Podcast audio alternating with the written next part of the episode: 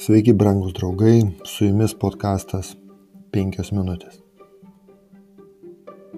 Trečioje Mozės knygoje 23 skyriuje 4-5 eilutėje skaitome. Štai viešpaties nustatytos iškilmės, šventosios suigos, kurias švesti, švesite joms paskirtų metu. Pirmą mėnesio 14 dieną temstant bus paskos atnaša viešpačiui. Pascha tai žodis turintis graikišką kilmę ir mes jį sutinkame septogintoje šitoje knygoje, kuri yra hebrajiško teksto vertimas į graikų kalbą. Hebrajų kalboje tai reiškia pesa, kuri turi reikšmę praeiti. Dešimtoji paskutinė Egipto bausmė turėjo įvykti naktį iš 14 ir 15 abibo mėnesio tai yra pirmą mėnesį pagal Dievo nustatytą kalendorių.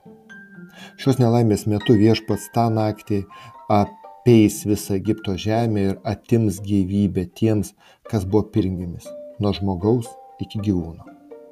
Jis apsilankys kiekvienose namuose, išskyrus tuos namus, kurių durų staktos bus pažymėtos paskesto iškepto ir su karčiamis žolėmis valgyto vienerių metų eriko krauju.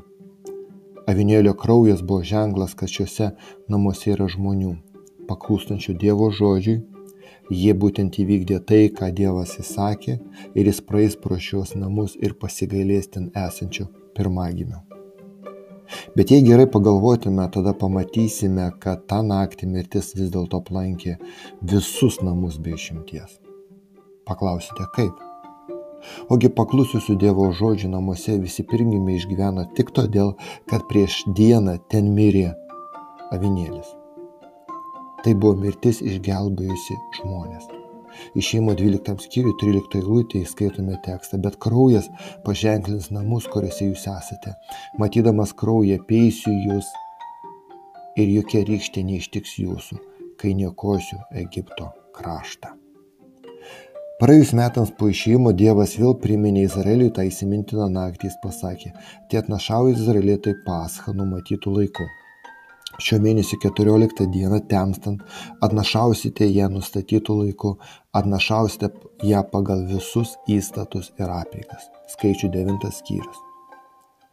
Tada jis nustatė tai kaip nuolatinė kasmetinė auk šventė kad visi žmonės susirinktų toje vietoje, kur būtų šventykla išvestų paschą, pakartoto įstatymo 16 skyrius. Nužudytas avinėlis simboliš, simboliškai simbolizavo ateinantį mesiją, kuris savo mirtimi atpir žmonių giminę ir parsmerks velnę sunaikinimui. Avinėlio be trūkumo toks jis turėjo būti parinktas reikšmė arba išraiška. Tai yra išreiškė išganytojo moralinį tyrumą ir buvimą be nuodėmės. Jonas Krikštytojas po daugybę metų pamatęs Jėzų sušuko, štai Dievo vinėlis, kuris naikina pasaulio nuodėmę. To jisai pareiškė, kad Jėzus yra išganytojas, kurio laukia visos tautos. Praėjus triems metams po šį įvykio Jeruzalė vakare, prieš saulėlydį, nukryžiuotas ant kryžiaus Jėzus atidavė savo gyvybę prototipas atitiko didįjį įvaizdį. Paskutiniai Jėžo žodžiai buvo atlikta. Jėzus užbaigė tai, ką jam patikėjo tėvas, įvykdė jo valią. Kiekvienas išpirkimo plano žingsnis sugalvotas dar iki šio pasaulio sukūrimo buvo baigtas.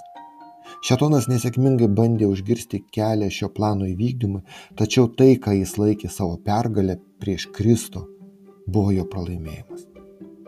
Kristaus pergalė išgelbėjo žmoniją ir pasmerkė šetoną sunaikinimą. Apaštalas Paulius rašo laiškė korintiečiams, Kristus yra mūsų Velykinis avinėlis. 1 korintiečiams 5.7. Mėly draugai,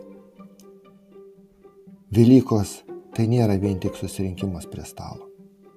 Velykos tai tikrai nėra marginimas kiaušinių ar dar kažko panašaus. Velykos yra gyvenimo šventė, išlaisvinimo šventė. Tačiau šis gyvenimas ir išlaisvinimas tapo įmanomi tik todėl, kad Dievas tapo žmogumi ir paėmęs mūsų nuodėmės prakeikimą, Jisai nukentėjo mūsų vietoje. mano ir jūsų vietoje. Su jumis buvo podkastas 5 minutės.